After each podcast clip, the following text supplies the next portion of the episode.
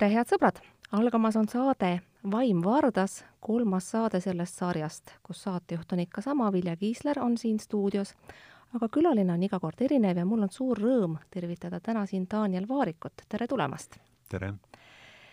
kõigepealt määratleme teema ja siis teeme mõned asjad selgeks. me räägime ajakirjanduse rollist, aga spetsiifilisemalt kavatseme täna keskenduda vandenõuteooriatele kui meie jutt sinnamaale jõuab. aga algatuseks peame selgeks tegema, mis rollis sa siin täna õieti oled? kui sa viimati raadiosse kutsutud said, siis tutvustati sind kui kommunikatsioonieksperti. suhtekorraldajana mäletame sind ju paljude aastate jooksul. praegu aga tuleks sinu nime taha ilmselt panna pigem Levia asutaja, Levilas sisutootja ma usun, sa ei vaidle selle määratlusega, kuid küsimus iseenesest oleks algatuseks järgmine kuivõrd lihtsalt või raskelt see rollivahetus sul on toimunud, olgem ausad, on ajad, kus suhtekorraldusest ajakirjandusse liigutakse vabalt ja ka vastupidi, kuid minul on alati sellega seoses, kui mitte lausa tõrge, siis kerge arusaamatus, kuidas ikka need mütsid nii kergesti vahetatud saavad. No esiteks ma arvan, et see on nagu vastuvoolu kärestikust üles äh, ujumine, mida mina tegin, sest et sel hetkel, kui ma äh, vahetasin nii-öelda elukutset, kippusid kõik ajakirjanikud ära tulema just meediast ja hästi paljudesse PR-firmadesse, see oli enne karantiini veel kevadel. Postimees oli üks hea näide, et ähm, selles mõttes äh, võib-olla nagu veider samm nagu niimoodi vaadates, mida teised teevad äh,. minu elus on seda pendeldamist varem ka olnud, ma alustasin ajakirjanikuna siis must sai riigiametnik, siis ma andsin ka nõu ikkagi suhtekorralduse või kommunikatsiooni alal, siis must sai eraettevõtja, nii et ma ikka päris mingi viisteist aastat olin, kas juhtisin või tegin mingeid firmasid või olin vabakutseline. aga selle käigus ma ju tegelikult tegin ühe blogi, milles jälle tuli see ajakirjanduslik nagu nurk nagu kuskilt välja Memokraati mäletan ma väga hästi, sest see ajas mind arvamustoimetaja rollis pidevalt aastusse. sulle kirjutasid inimesed, keda mina oleksin soovinud näha oma toimetatavas rubriigis. Nemad kirjutasid sulle ja takkapihta tasuta. jah, nii oli ja no seda ma ikkagi, olgem täpsed, ma sain teha seda ainult sellepärast, et see oli see aeg, kus ma olin nagu päris vabakutseline, et ma ei töötanud nagu ettevõttes ehk siis äh, kohe, kui ma asutasin uue ettevõtte Akadian, siis ma tundsin, et ma ei saa mitte midagi kirjutada jälle, sest et äh, isegi kui ma saaksin kirjutada, siis samal ajal äh, jääb ikkagi kahtlus õhku, et kelle huvides ma täpselt seda nagu teen. aga ütle, kas sinu meelest on see kahtlus praegu maha võetud? kui inimesed eksivad isegi sulle tiitlit pannes, kas siis see ei ole üks tõendus selle kohta, et see mütsi või ülikonna vahetus tõesti ei käigi nii kergelt? no ma loodan, et äh, inimesed teevad seda otsust nagu näo järgi ja mul ei ole teist võimalust, et kui ma tahan seda rolli vahetada, siis äh, ma pean inimesed äh, uskuma panema, et et ma vahetan seda päriselt. ja kui see võtab natuke aega, siis see on väga loomulik. et aga kui ma tahan seda otsust oma elus teha, siis ma peangi elama sellega, mis ma varem teinud olen, kõik teavad seda, ma kuidagi ei kahetse seda, arvan, et see on ka olnud väga huvitav periood, aga see, mis ma praegu tahan teha, see on mind ikkagi päris pikalt nagu ka kutsunud jällegi siia tagasi nagu siia ajakirjandusse. nii et äh, noh, ma annan oma parima lihtsalt arusaadav, keegi ei saa oma elatud elu tühistada ja miks ta peakski. rolle vahetatakse ju sagedasti ja tänapäeval ei tehta sellest ka iseenesest probleemi. ma võtsin selle jutuks pigem sellepärast, et äh, oleks alguses selge, missugustelt positsioonidelt me räägime.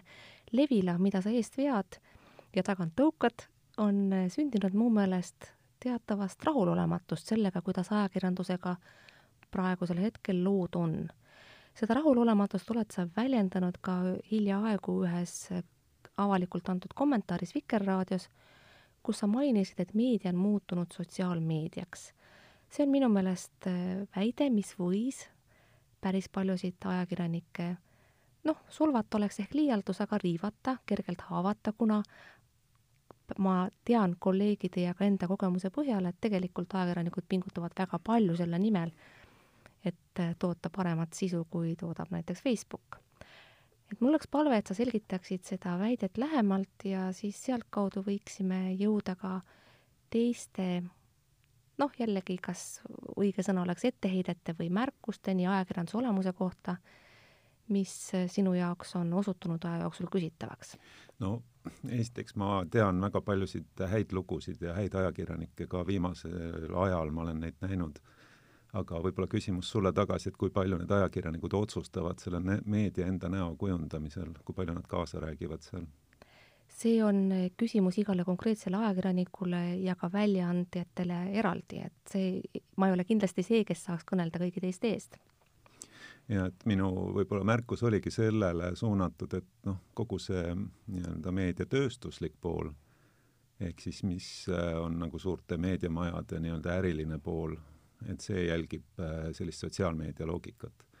mis tähendab, et äh, sellised kiired äh, klikid, tänapäeval üha rohkem muidugi ka see, et artiklit võib-olla ostetaks, et äh, need äh, tihtipeale ikkagi mängivad üle nagu selle, mis võib olla ajakirjanike endi nii-öelda ettekujutused, mida ka toimetate, noh, iga reporter ei peagi ju kujundama seda suurt nägu, aga just selle ajakirjandusliku poole, kui nagu meedia, ma ei tea, organisatsioon teha kaheks, et üks on äriline pool, teine on meedia pool, et siis ma arvan, et see meedia pool räägib seal üsna vähe kaasa ja ta kohaneb pigem selle loogikaga, et äh, mis asjad ikkagi toovad meile kiirelt niimoodi lugejate käivet. no mina olen tegelikult pigem vastupidist, klikkide lugemise äh, periood väga suures joones pigem on möödumas, kõik meediagrupid, meediamajad keskenduvad pigem sellele, kuidas tuua lugejat endale lähemale, ehk siis saada rohkem tellimusi. jaa, sellest ma ka ise mainisin, et see on natukene rohkem nagu tulnud ja võib-olla see on tõesti hea, et see annab nagu sellist äh, natuke suuremat sõltumatust äh, ajakirjandusväljaannetele. aga kui me võtame seda, mis sotsiaalmeedias inimesi nii-öelda liigutab äh,, mis muudab asjad, nagu öeldakse, viraalseks, et mida palju jagatakse, et minu meelest needsamad asjad lekivad ikkagi hästi kergesti praegu meediaotsustesse ka. Ja nendeks on viha, nendeks on mingisugused ülesköetud emotsioonid, nendeks on noh, nagu öeldakse, et äh, libauudis üldiselt levib mingi kuus korda kergemini kui päris uudis. Ja kahjuks ma ei, kuidagi ei tunne, et meediakanalid suudaksid äh, sellest asjast olla nagu sõltumatud või sellest äh, niimoodi kõrgemale tõusta mul on tunne, et praegusel ajastul võib see isegi olla võimatu, sest Facebook ja teised sotsiaalmeediaplatvormid on väga oluliselt muutnud arusaama sellest, mis on uudis ja omaette arutelu teema siin võiks ka olla, millal siis õigupoolest juhtus see, et see, mida keegi ütles, on suurem uudis kui mõni konkreetne sündmus. aga mul on ettepanek, ärme sinna praegu läheme, ma haaraksin kinni sinu sõnast emotsioonid, sest tõepoolest kõik sotsiaalmeedias loodav sisu on väga palju emotsionaalsem kui see, mida me ajakirjanduses tahaksime vahendada tõsiseltvõetava sisu sildi all ja, ja vormis. siit edasi mõeldes võiks tekkida küsimus, kui palju saab olla ajakirjandusväljaanne või ka konkreetne ajakirjanik vastutab selle eest, missuguseid emotsioone tema loodav sisu tekitab lugejas nojah, jõuame tegelikult sinna justkui nagu emotsioon oleks halb, et äh, see ju ka ei ole tõsi.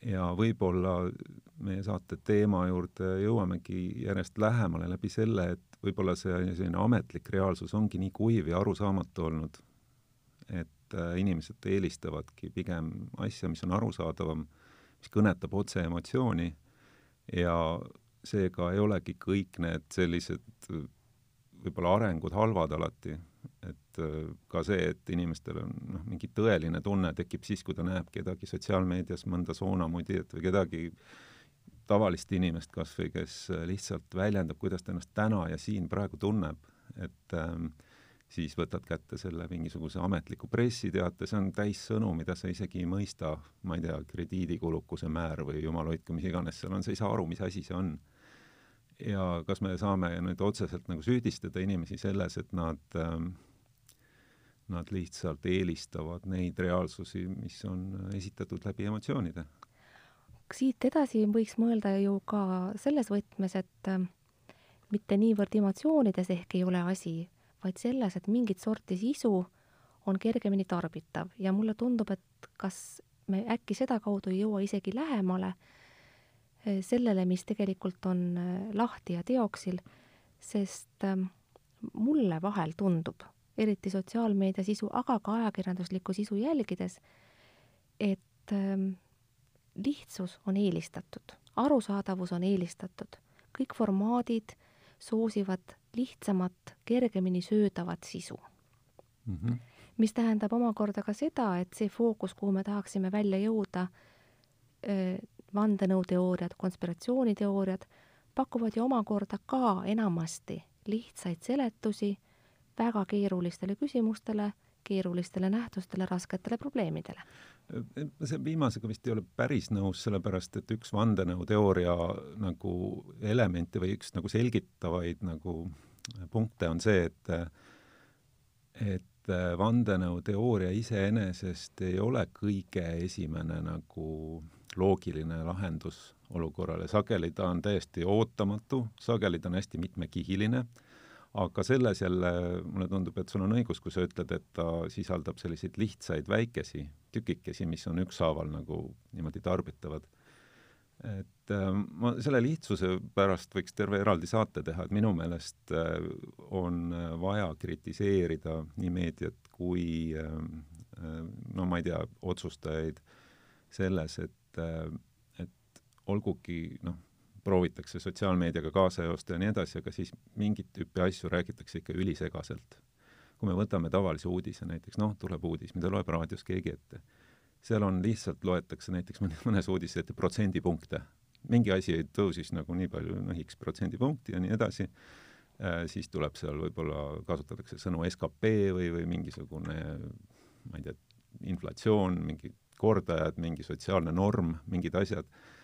Et äh, ma arvan, et äh, kui me paneme ennast tavalise inimese rolli, kes äh, üha rohkem peab sellistes asjades ise mingeid otsuseid tegema ja vastutama, noh, alustame uuesti, laenuleping, telefonileping, internetileping, mingisugused äh, uudised, mingit koolist tuleb sulle mingisugune informatsioon ja mida rohkem haiglast, Haigekassast, ükskõik, mida rohkem seda segast informatsiooni on, seda vähem see inimene noh, saab tegeleda oma eluga, ta peab kogu aeg tõlkima seda mõnes mõttes see meenutab nagu noh, mina tulen Lõuna-Eestist, eks ju, minu jaoks soome keel on selline, et ma tean, et kui ma istun tund aega soomlastega koos, õudselt pingutan, ma tegelikult saan aru, mis nad räägivad. aga paljude inimeste jaoks see ametlik keel näiteks ongi selline, nagu minu jaoks on soome keel, et ma lasen selle oma kõrvadest läbi, ma ei saa kõigest aru, ma tohutult pingutan ja ma arvan, et konspiratsiooniteooriate võib-olla selline jõul, jõuline nagu selline olemus ühest otsast võib olla seotud sellega, et et see alternatiiv on sama maagiline ja segane. sind kuulates tekib mul mõte, mis võiks olla see sinu nii-öelda positiivne programm eeldusel, et me ei pea heaks inimeste sattumist vandenõuteooriate küüsi või nende valda või võimusse, sest teisest küljest võiks ju vastu väita, et needsamad SKP-d, inflatsioonid ja muud sellised elementaarse majandusteema käsitluse juurde käivad terminid peaksid või ütleme pehmemalt, võiksid inimestele teada olla nende samade otsuste langetamisel, mis neid iga päev ju tegelikult, mis on neile igapäevaelus vajalikud. aga kui palju inimesi sinu arvates on Eestis kõrgharidusega? ma ei oska sulle pealt ütelda, aga sa oled järele vaadanud, ütle sina. ma vaatasin päris ammu, aga ma väga vabandan, kui ma eksin selle numbriga, aga võib-olla see on kolmsada tuhat, nelisada tuhat, midagi sellist mõned neist on selle kõrghariduse saanud kakskümmend, kolmkümmend, nelikümmend, viiskümmend aastat tagasi. et miks me eeldame, et need terminid, mida me ise oleme õppinud võib-olla mitu aastat, on automaatselt arusaadavad inimestele, kes ei ole neid õppinud. et miks me jätame kõrvale nii suure hulga inimesi selleks, ütleme, et tehke oma kodutöö ära, aga neil on seda kodutööd nii palju vaja teha, nii paljudes asjades, et äh, lõpuks, nojah, ta guugeldab, lõpuks ta jõuabki kellelegi, kes pakub mingi eriti lihtsakoelise variandi, mis võib olla tegelikult vale, meelega vale näiteks, ka laenu võtmisel näiteks võib olla mingisugune tegelikult sulle vale sõnum tulla. et äh, ma usun, et äh, igaüks on sellesse äh, nagu keerukusse, iga institutsioon või iga, ma ei tea, selline kes iganes asju seletab, on lisanud oma tükikese, mõelnud, et see on, okei okay,, see ei ole ju nii keeruline aga kui me võtame need tükikesed kokku ja mul on põhiharidus, kui palju ma tegelikult kas ma olen üldse võimeline sellest aru saama. aga ma teen siit järelduse, et kui ajakirjandus, meedia ja kõik teised võimalikud kanalid, mis võib-olla ennast otseselt ka ajakirjanduseks ei pea, kuid moel või teisel siiski pakuvad informatsiooni ja vahendavad seda. kui kõik nemad kõneleksid keerulistest asjadest lihtsamalt, siis kaoks inimesel ehk tarvidus pöörduda pseudoselgituste poole mhm. ja ma tegelikult ise näen, kuidas siin on, mu enda jutus on nagu väike vastuolu, et ühest küljest ütleme, et see meedia on nagu sotsiaalmeedia, eks ju, ja teisest küljest ütleme, nad räägivad liiga keeruliselt, et et ongi selline kaks hoovust, et on üks selline pealishoovus, niisugused kiired uudised, mingi, et sa ei usu, kes pani kellele mis nime, on ju, või noh, ja siis kliki ja vaata, ja siis on nagu tõsised arvamused, juhtkirjad, mis siis kubisevad nendest asjadest, et mõlemal puhul ma nagu näen seda nagu vähest äh, nagu noh, sellist lisaväärtust, lisaväärtus ise juba on keeruline sõna muidugi, et noh, me, meie siin saates ilmselt võime seda kasutada, aga peaks pigem läbi mõtlema. ja ma usun küll, et kui need tekstid, kui ajakirjanikul oleks rohkem aega näiteks kirjutada, kui need oleksid ähm, paremini nagu tehtud, et nende mõju kindlasti oleks suurem ja kui nad oleks lihtsamaks mõeldud, olekski mõeldud läbi selle, et okei okay,, ärme kasuta sõnu, mida mõistab näiteks viiskümmend tuhat inimest Eestis, ärme kasuta sõnu, mida mõistab võib-olla ainult tuhat inimest Eestis, neid on ka väga palju selliseid sõnu. ja, ja, ja ma arvan, et äh, midagi nagu järgmise kümne aasta jooksul oleks natuke Eestis parem küll. Kindlasti mul on see posit-, kui sa küsid, kas mul on positiivne programm, siis on jah, selgesti jutustatud lood olulistest asjadest on positiivne programm. see kõlab väga hästi, ma usun, et selle poole tegelikult enamik ajakirjanikke ka püüdleb. ma ei ole võib-olla nii optimistlik selles mõttes, et kunagi võiks tekkida toimetustes rohkem aega, ma kahtlustan, et ajapuudus on see, millega ajakirjanikud jäävad ka edaspidi võidu jooksma. kuid ähm, positiivse programmina on see minu meelest sõnastatud vägagi hästi. vaatleme korra seda konspiratsiooni ja vandenõuteooriate poole kaldumist ka teisest aspektist. üks on äh, tõepoolest see, et äh, nad on lihtsamad, nagu me juba ütlesime, pakuvad lihtsamaid lahendusi, teiselt poolt sai sõnastatud, et nad pakuvad toitu emotsioonidele kuid kus võiks olla see piir, kus, äh, mille järgi eristada kvaliteetset ajakirjanduslikku sisu ja konspiratsiooniteooriaid? selleks saades, selleks saateks valmistudes lugesin ma Telegrammi, mida peetakse ju selliseks vandenõuteoreetiliseks -hmm. saidiks ja millel tõsiteaduslikkusega kokkupuuted on noh, pehmelt öeldes olematud või siis, või siis väga kerged. ometi on seal mõned lõigud sellised, mida võiks kõrvutada näiteks täna Ekspressis ilmunud, ilmunud arutlusega selle üle, mismoodi peaks ikkagi suhtuma koroonatestide usaldusväärsusse. et kust võiks joosta see piir sinu meelest? ma ei tea, äkki läheme korra ja vaatame seda vandenõuteooriat veel päris algusest, et mis ta üldse on? defineerige. et kusjuures ma ei ole nagu, nagu ühelauselist nagu väga head definitsiooni ise ka leidnud, aga ma saan aru, et see on selline asi, mis äh, toob äh, nagu põhjendusi, miks mõned väga olulised asjad maailmas on just nii, nagu on ja ta teeb seda läbi mingisuguse sellise hästi huvitava äh, äh, sellise jutustuse, kus eeldatakse, et on kuskil mingi väike grupp, kes seda kõike korraldab. tavaliselt äh, on neil mingi muu huvi kui ülejäänutel, ehk nad võib-olla tahavad muuta näiteks maailma mingisuguseks, näiteks äh, võib-olla nad tahavad selle üle võtta, ja siis on vandenõuteooriasse sageli sisse äh, nagu paigutatud sellised äh, mõtted, et äh, kindlasti kõik eitavad, kui sa neid küsima lähed, siis nad eitavad. Ja see on vandenõuteooria üks kõige tugevamaid külgi, et äh, nii selle eitamine kui selle jaatamine on sellele kasulikud et kui meenutada, kunagi oli X-Files, oli see seriaal äh, paranormaalsetest nähtustest. Äh, valitsus salgab juhtunut, tõde on kusagil olemas. täpselt, ja see tekitab olukorra, kus, kui sa ütled, et seda pole olemas, siis loomulikult sa ütled seda ja, ja oledki nagu lõksus.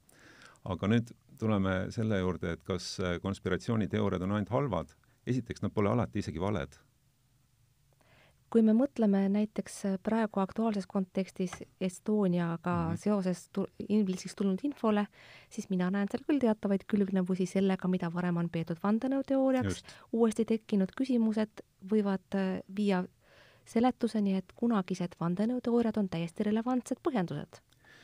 just, et äh, vandenõuteooria, nii palju kui mina jälle aru saan, omaduseks ei ole see, et ta on ilmtingimata vale, ta on lihtsalt tõestamata ja äh, mõnda on nii raske tõestada, et teda ei tõestata kunagi, mõne saab ümber lükata, aga no kõige hullemad on need, mida ei saa ei tõestada ega ümber lükata et sest nad elavad oma elu.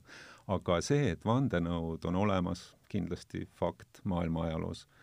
see, et mõned vandenõuteo-, vandenõuteooriad on tõestatud fakt, noh, võtame kas või mingid suuremad maailma mingisugused äh, vandenõud, noh, nagu Watergate'i skandaal näiteks Ameerika Ühendriikides, kujutame ette Ameerika Ühendriike, seal on mingid inimesed äh, enne siis Watergate'i skandaali, kus president on nagu oma volitusi ületanud ja kõiki asju ja mõned kahtlustavad, siis on see veel vandenõuteooria. aga sel hetkel, kui see on nüüd nagu avalikuks tulnud, siis ta enam ei ole vandenõuteooria. veel on vandenõuteooriatega see, et üldiselt arvatakse, et äkki siis teatud tüüpi inimesed rohkem kalduvad neile ja ma ei ole psühholoog ega sotsiaalteadlane, et seda nagu kinnitada, aga väga palju tuleb välja ka sellist, et äh, sa lihtsalt enda mõtteid sageli ei pea vandenõuteooriaks. minu omad ei ole vandenõuteooria, aga ma näen neid mujal. see on tüüpiline, mina, mina ju tean, kuidas asjad on. just. ma ei tea, kas sa ise oled kunagi vandenõuteooriat uskunud või? ma ei ole selle üle niimoodi isiklikult mõelnud, aga kui ma hakkaksin mingisuguste konkreetsete teemade jälgi ajama oma mõttemaailmas, ma ei imestaks, kui ma leiaksin neid jälgi. mina usun ikka päris tihti aga too mõni näide. jaa, ma usun näiteks, et Facebook tahab ikkagi midagi väga nagu tuksi keerata kuskil mingite kommertshuvides näiteks, onju. ma usun, et Facebook ajab meid tülli kommertshuvides. see on, noh, hiljuti oli isegi dokfilm Netflixis sellest, see kõik tundub väga loogiline. aga siiski, noh, ta on nagu mingi piirini on ta siiski vandenõuteooria. sa ei saa seda tõestada. jah, ma ei saa seda tõestada, see tundub väga tõenäoline või noh, nagu Eestis äh, üldiselt äh, arvatakse ka, et konservatiivsed sellised äh, saidid, et nad nagu levitavad vandenõuteooriat või et, et Telegram levitab vandenõuteooriat, aga kui nad juhtumisi kahtlesid mingisuguses koroona informatsioonis ja hiljem koroonat ei olnud, sel ajal nii palju uuritudki seda Covid-19, hiljem selgub, et see oli juhuslikult tõsi et siis, siis ta ei ole enam vandenõuteooria. ja ja pealegi tekib alati küsimus, et kui sa ütled, Facebook tahab, kes siis tahab, kui Facebook tahab? või samamoodi näiteks koroona eitajate puhul, et kes, kes, kes siis eitab, kui mingi konkreetne väljaanne eitab, eks ju? jah, nii et äh, ütleme, et mõnede minu vandenõuteooriate puhul ma hiljem olen tunnistanud, ma nagu eksisin, aga ma ei tahaks neid nimetada vandenõuteooriateks. ja kas äh, seal on siis rohkem Ameerikas on ühend-, uuritud, et kas seal on rohkem siis liberaalid või, või vabariiklased on nagu vandenõuteooriate poole kaldu, et kahjuks äh, või õnneks või ma ei tea milleks, tegelikult see päris nii ei ole, et üks on rohkem kui teine. ja Eestis ka. ma arvan, et näiteks äh, EKRE pooldajad usuvad, et äh, Reformierakond on tahtnud Eesti, ma ei tea, näiteks maha müüa Euroopale kuidagi, et ei huvita üldse rahvuslikud väärtused, mida ma nimetaksin vandenõuteooriaks. EKRE vastased usuvad, et nende niite tõmbab, ma ei tea, FSB Venemaalt, sest et on nii palju mingeid kokkulangevusi sellega, mida siis teistes riikides, kus Venemaa on niite tõmmanud, justkui nagu, vähemalt väidetavalt on tõmmanud, justkui nagu oleks, aga see on siiski konspiratsiooniteooria, sest et meil ei ole selle tegelikku tõestust. kas pole nii, et inimesed kalduvad äh, omistama ka teistele konspiratsiooniteooriate pooldamist, mis nende hinnangul võiksid selle vastasseisva isiku või siis ka organisatsiooni maailmavaate ja arusaamaga asjadest sobituda ja ei märka võib-olla palki enda silmas mm. -hmm mulle ka tundub, et konspiratsiooniteooria on mugavam lahendus, kui sa oled näiteks kaotanud kui sa oled kaotajate põlvkond, kui sa oled äh, kaotanud valimised, äh, on kergem näiteks äh, ka äriliselt, kui sa oled läbi kukkunud, on kergem ette kujutada, et see oli kellegi nagu kaval sepitsus, mitte mingisugune objektiivne nagu päris olukord. süüdi on keegi teine, mitte, mitte mina ise, et minuga nii juhtus. ja, ja mina nägin sellist olukorda väga tihti siis, kui ma töötasin riigiametnikuna, mitte väga tihti, aga oli teatud tüüp poliitikuid, kellega vahel valitsus, valitsuse juures töötades kokku tuli puutuda, kes alati uskusid, et meedia on nende suunas kallutatud sellepärast, et see on kõik kinni makstud ja seal käib mingisugune konspira-, konspiratsioon. ja samal ajal nad enda poolt muidugi nägid, et see ei olnud nii. ja, ja siis noh, ma isegi ei kujuta ette, kui keeruline oleks olnud korraldada selliseid tohutuid konspiratsioone läbi, läbi meedia, aga nad enda poole, noh, nad ei näinud variantigi, et nad kuidagi võiks seda meediat nagu kontrollida, aga kuskil keegi kogu aeg kallutas ja kontrollis seda. kui ajakirjanduse järgi otsustada, siis võib, võib tunduda, et selline konspiratsiooniteooria on liikvel igal ajal mm. -hmm. ükskõik missugune jõud seda parasjagu esindab, noh, varem oli see Keskerakond, praegu ilmselt suuresti EKRE, eks ole, toidab neid konspiratsiooniteooriaid, aga ei ole olnud aega, kus meedia kallutatust ei ole seostatud mingisuguste konspiratsiooniteooriatega erakondade poolt mis viib meid ka mõttele, et võib-olla on mingi hulk selliseid vandenõuteooriaid, mis on käibel ajastust sõltumata mm, -hmm. lihtsalt nende esitajad ja pooldajad vahelduvad. täiesti nõus, et äh, noh, ise ei ole ju olnud, noh, ei saa kõiki neid ajaloo asju võrrelda, aga ma saan aru, et alati on olnud äh, konspiratsiooniteooriad mõnikord on need lihtsalt ro-, rohkem võib-olla rahva sees liikunud ja nüüd me jõuame sinna sotsiaalmeedia faktorini, et tegelikult nüüd nad siiski levivad kergemini ilmselt. et äh, väga lihtne on ikkagi mingi meem panna teele ja, ja või mingisugune libasait teha ja inimesed juba usuvad. et äh, aga samal ajal needsamad nagu mõttekäigud, needsamad lood, needsamad muinasjutud isegi, kui võib öelda on äh, igal ajal olemas olnud ja see on ilmselt üks selline inimlik, täiesti inimese osa neid nagu välja mõelda. see on osa, kuidas me proovime maailmast aru saada ja seda mõtestada, mõni on andekam, mõtleb välja ilusama loo või huvitavama loo, ütleme nii, need ei ole ilusad tavaliselt, need konspiratsiooniteooriad. ja, ja see hakkab meeldima ja nii ta läheb. aga nüüd tulles tagasi selle algse väite juurde, et meedia on muutunud sotsiaalmeediaks et äh, olen lugenud kahte teadusuuringut, mis väidab, et need äh, sotsiaalmeedia asjad ei lähe iseenesest nii kergesti lendu, kui arvatakse. sa pead silmas, et? näiteks, kui mäletad seda videot Gangnam Style, Korea mingisugune Mäletan. äh, laulja seda nimetati väga viraalseks, väga hästi levijaks videoks, aga siis kui asjati uurima, siis leiti, et see viraalsus ei olnud nagu iseeneslik vaid selle leidsid paar suurt meediakanalit, kõigepealt sotsiaalmeediast, võimendasid seda ja siis see läks megaviraalseks, miljardid tulid seda vaatama. ja kahjuks ongi nii, et äh, nüüd nagu lugejate otsingul äh, meedia otsib väga palju sotsiaalmeediast selliseid äh, lugusid, selliseid vastanduvaid asju. mida omalt poolt võimendada. ja siis ta võimendab seda ja siis see läheb alles käima. ja seda on nüüd hiljuti uuritud Ameerika Ühendriikides samuti ja jõutud järeldusele, et et mitmed nagu sellised räiged konspiratsiooniteooriad, nagu näiteks see, mis on see suvi eriti kõva, on see, et valimised kindlasti Ameerikas võltsitakse. et seda on tegelikult väga palju võimendanud meedia ise kahjuks muidugi seal on Ameerika kontekst, seal on Fox News ja muud sellised, aga meil on ka juba samamoodi. et äh, see on üks asi ja siis teine minu järeldus on see, et see tõenäoliselt kehtib nagu enamuste elus olevate inimeste puhul, aga võib-olla päris noorte puhul on nii, et nemad, nende jaoks see meedia, milles võib-olla mina, sina rohkem oleme, võib-olla ei tähenda enam midagi ja nendel on seal veel mingid muud protsessid.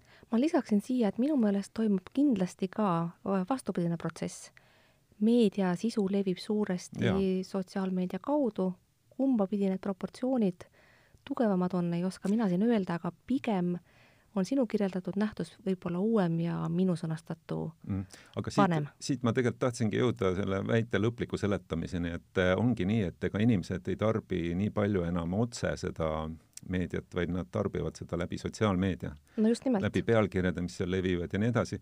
nii et ega, ega su väide ei olnud nagu mingisugune nagu ainult kriitika, vaid see oli tegelikult nentimine, et tänapäeval on noh, ka Delfi, kui me võtame selle lahti, ta on suuresti nagu kasutajate kaasabil loodud, ehk siis äh, ta on, see on sotsiaalmeedia definitsioon, see on kommentaarid, see, mis esile tõuseb, see, mida keegi kuskil ütles, internetis jõuab sinna sageli ja siis on see osa, mida siis ajakirjanikud on teinud, mis siis ka tegelikult küllaltki kui populaarseks ta läheb ja see sõltub ka juba väga mitmetes mõtetes nagu kasutajatest. ma sõnastaksin seda natuke teistmoodi, tänapäeval Delfi iseenesest on ju platvorm väga paljudele teistele väljaannetele, seal ilmub kogu Ekspress Grupi sisu, ehk siis Delfi enda sisu moodustab sellest väga väikese osa, Delfil on omaette toimetus, kuid seal ilmub Eesti Päevalehe, Eesti Ekspressi ajakirjade ja väga paljude teiste omaette mhm, väljaannete mm -hmm. sisu, et ta on ainult vahendaja. no nagu platvorm on ka, Facebook on ka platvorm, eks jah, aga see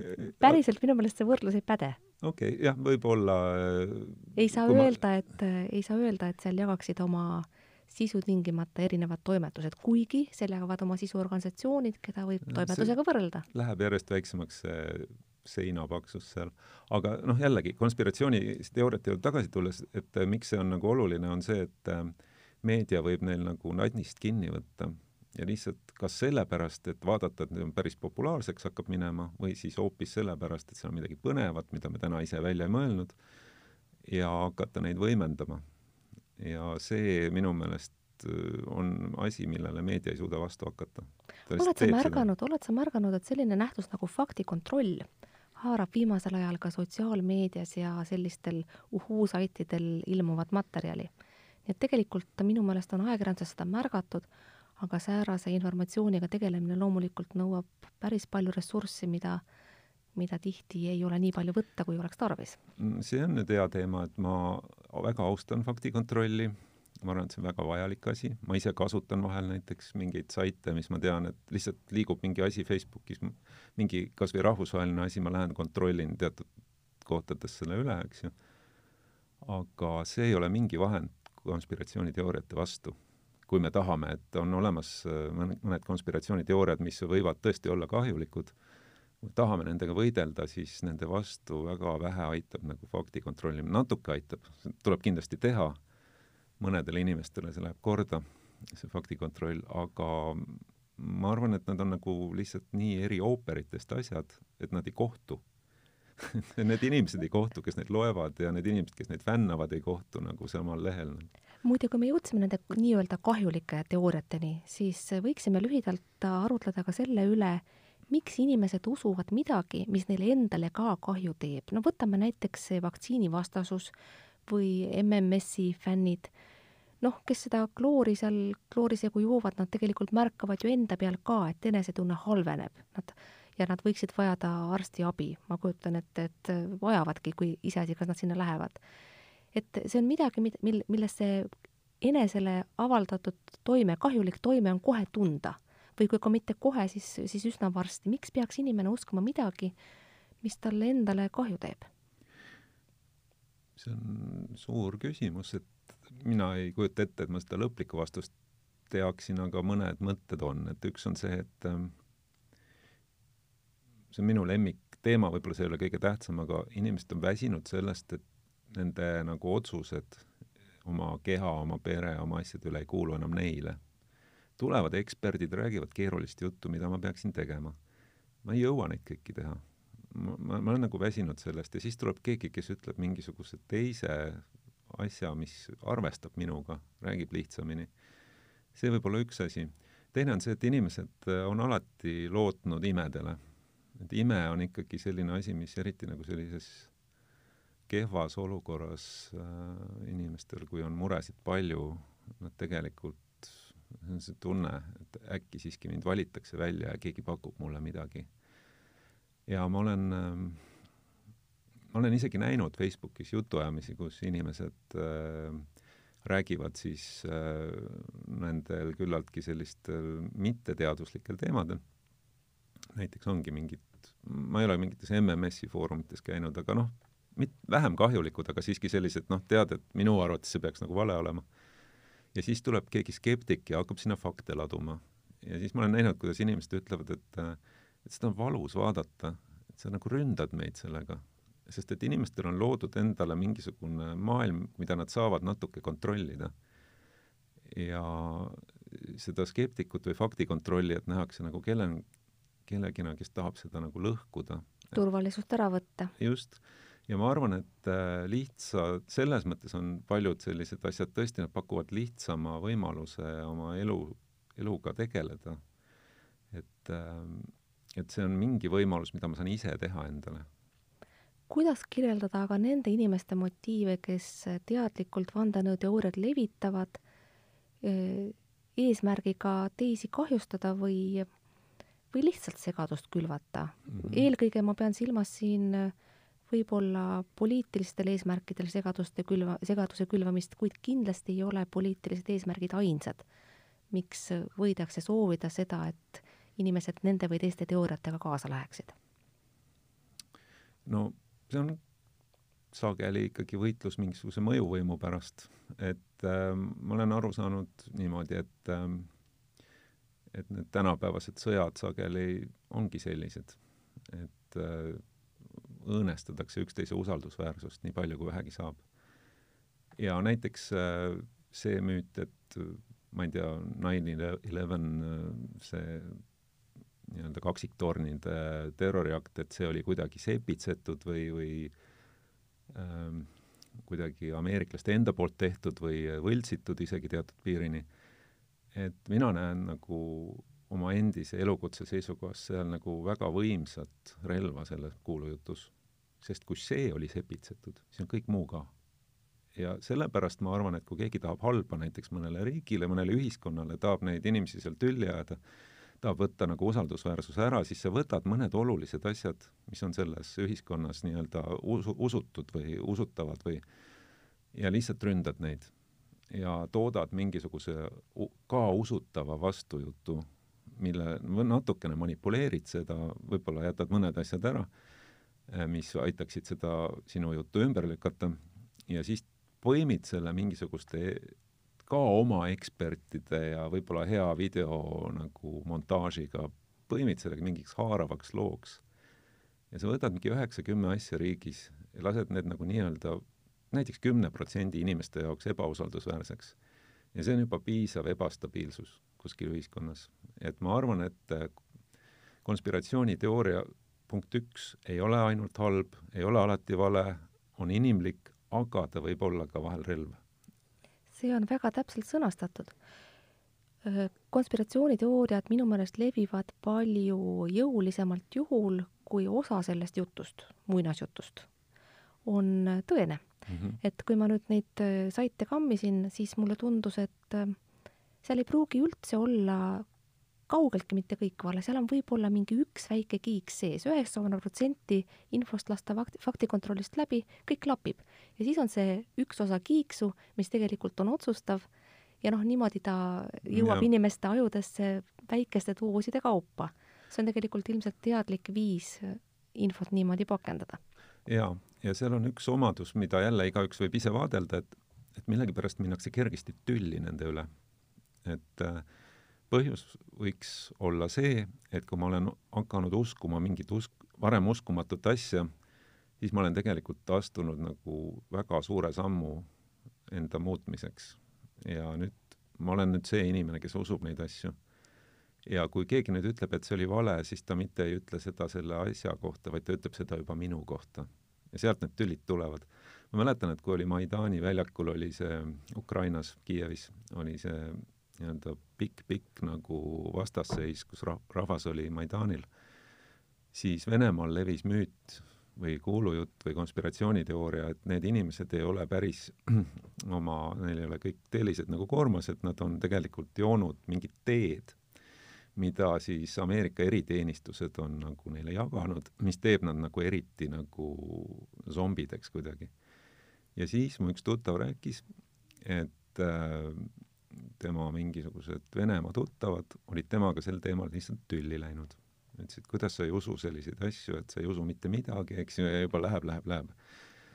ja seetõttu on jällegi see konspiratsiooniteooria väga hea lõhestaja ka, et kui nagu ikkagi tahta toota selliseid hästi vastandavaid nagu olukordi, siis parim viis on teha mingisugune väga hästi nagu toodetud mingisugune selline nagu lugu ja siis tänapäeval neid toetavad igasugused libasaidid, eks ju, sa võid äh, sattuda, nagu neid nimetatakse, nagu küülikuurgu, et sa lähed ühele saidile, siis avastad, oi, neid on veel.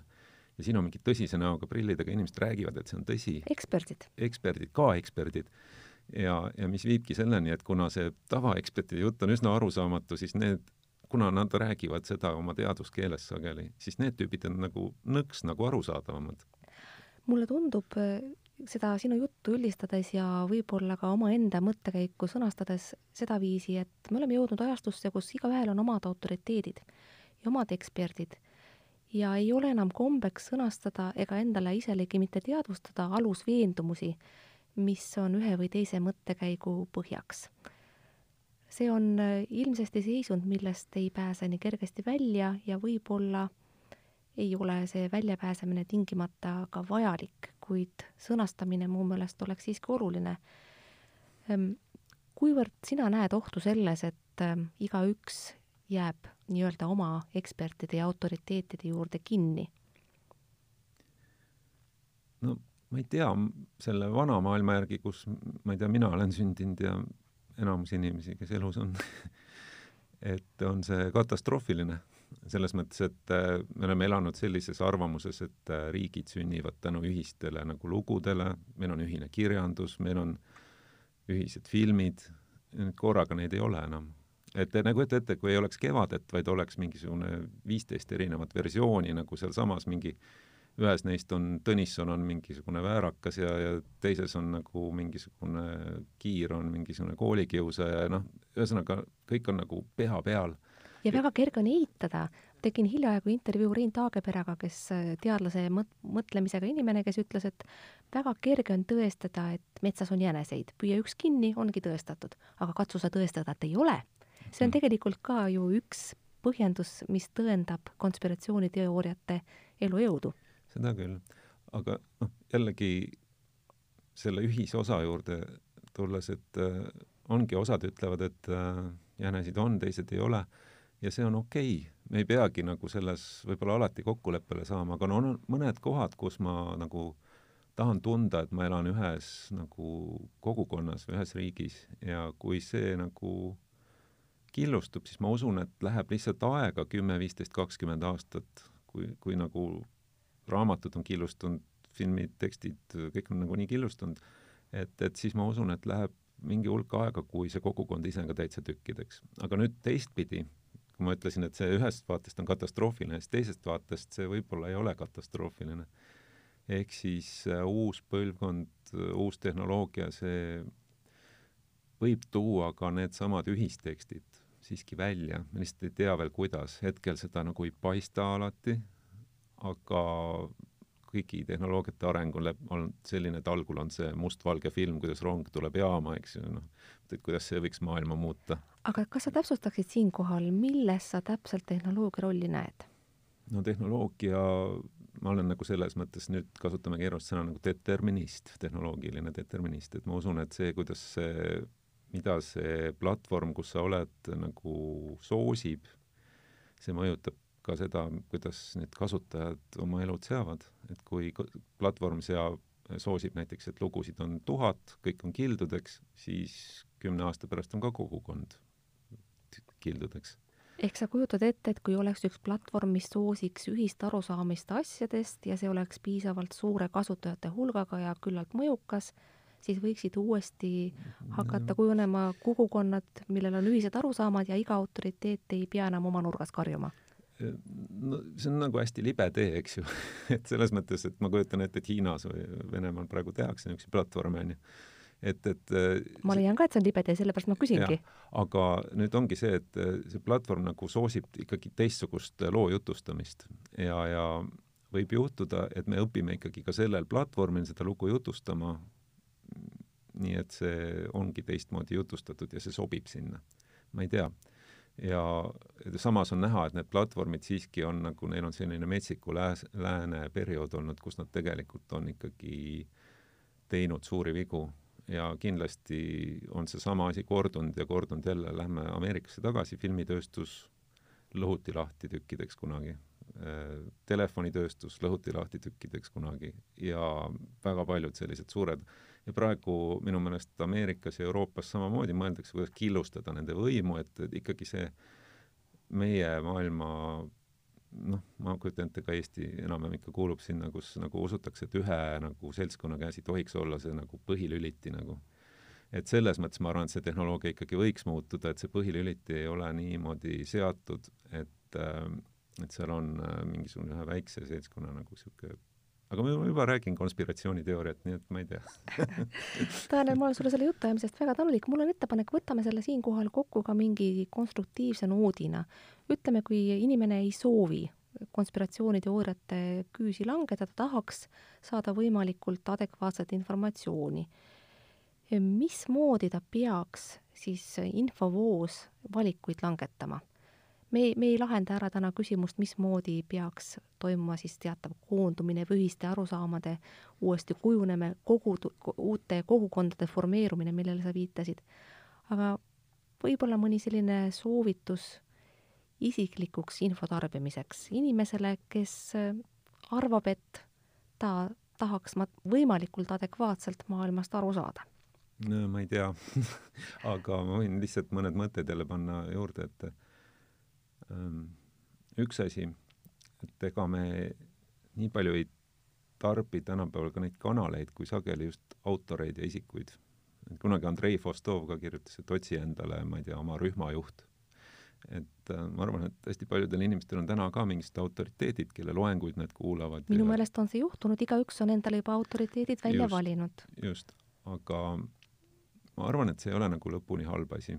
et äh, noh, muidugi, kes valib mida aga võib-olla isegi ütleks, et äh, ma ei oska öelda inimesele, kes tahab konspiratsiooniteooriatest loobuda, kuna ma arvan, et see võib-olla lõpuni ei olegi võimalik ja vajalik äh,. ma arvan, et meie suurim probleem hoopis on see, et me suudaksime elada erinevate konspiratsiooniteooriatega nii, et meil läheks hulluks äh,. ja sellega me võtame ära vähemalt selle, et me ka kõik tülli lähme Daniel Vaarik suur,, suur-suur tänu stuudiosse tulemast, armsad sõbrad, see oli kolmas saade sarjast Vaim Vardas. vaim Vardas on eetris üks kord kuus ja järgmist korda on oodata juba umbes nelja nädala pärast. olge vahepeal hoitud, mingu teil hästi, elage toredasti. thank you